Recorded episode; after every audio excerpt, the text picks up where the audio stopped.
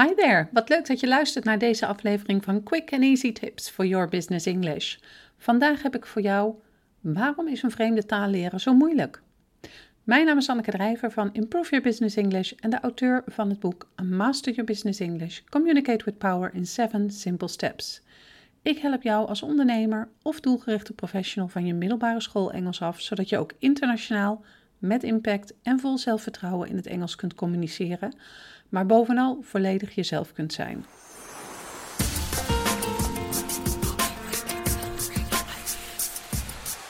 Dat het leren van een vreemde taal moeilijk kan zijn, is natuurlijk geen nieuwe informatie voor je. Maar heb je er wel eens over nagedacht waarom het zo lastig is om een vreemde taal zoals het Engels goed onder de knie te krijgen? Door naar drie belangrijke factoren te kijken, leg ik jou in deze podcast precies uit hoe dit nou zit. Factor 1.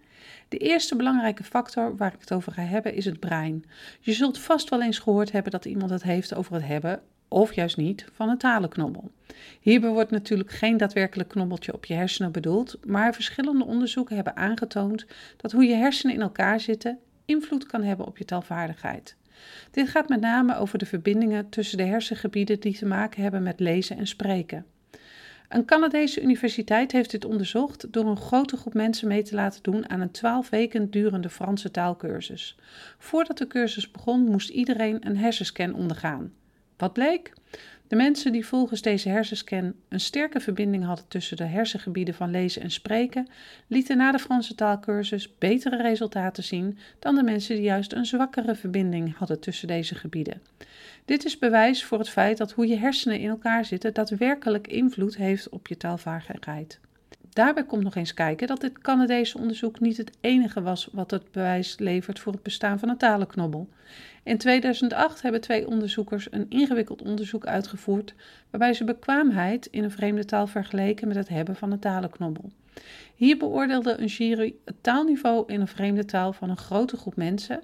Daarnaast moest deze groep mensen een aantal taaltesten maken om te beoordelen of ze een talenknobbel hadden.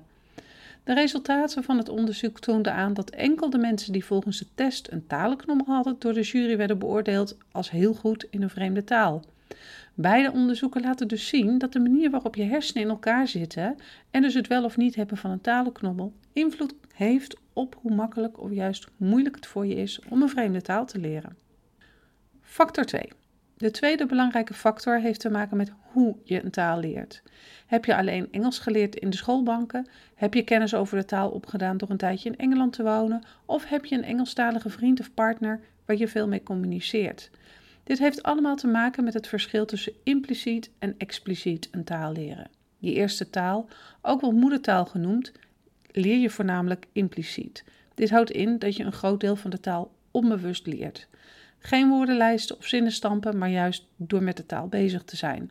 Het komt echter vooral voor dat je een tweede taal of vreemde taal expliciet leert, dus juist wel door bewust bezig te gaan met het herinneren van woorden of het begrijpen van grammatica-regels.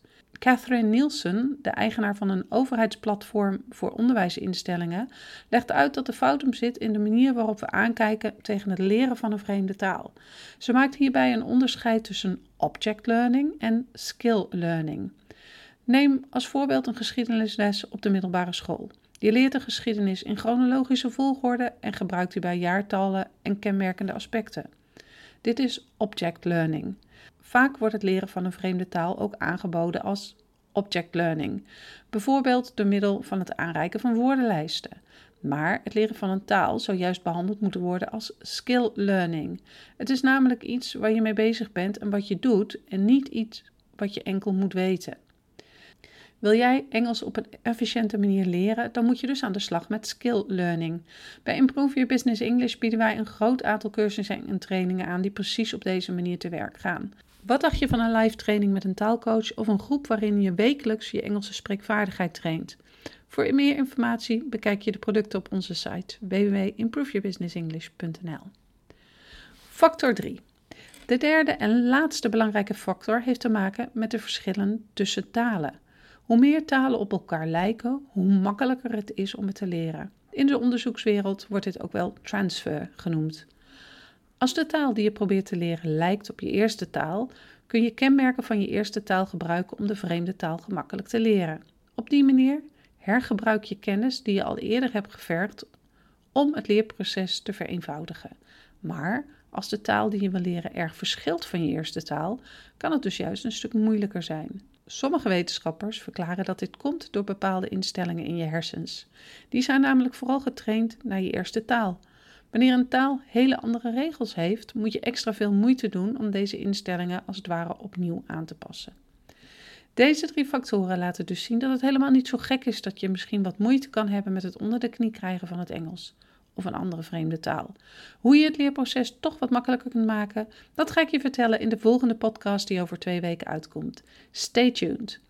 Als je deze aflevering hebt geluisterd, zou ik het enorm op prijs stellen als je een review voor ons zou willen schrijven op SoundCloud of iTunes.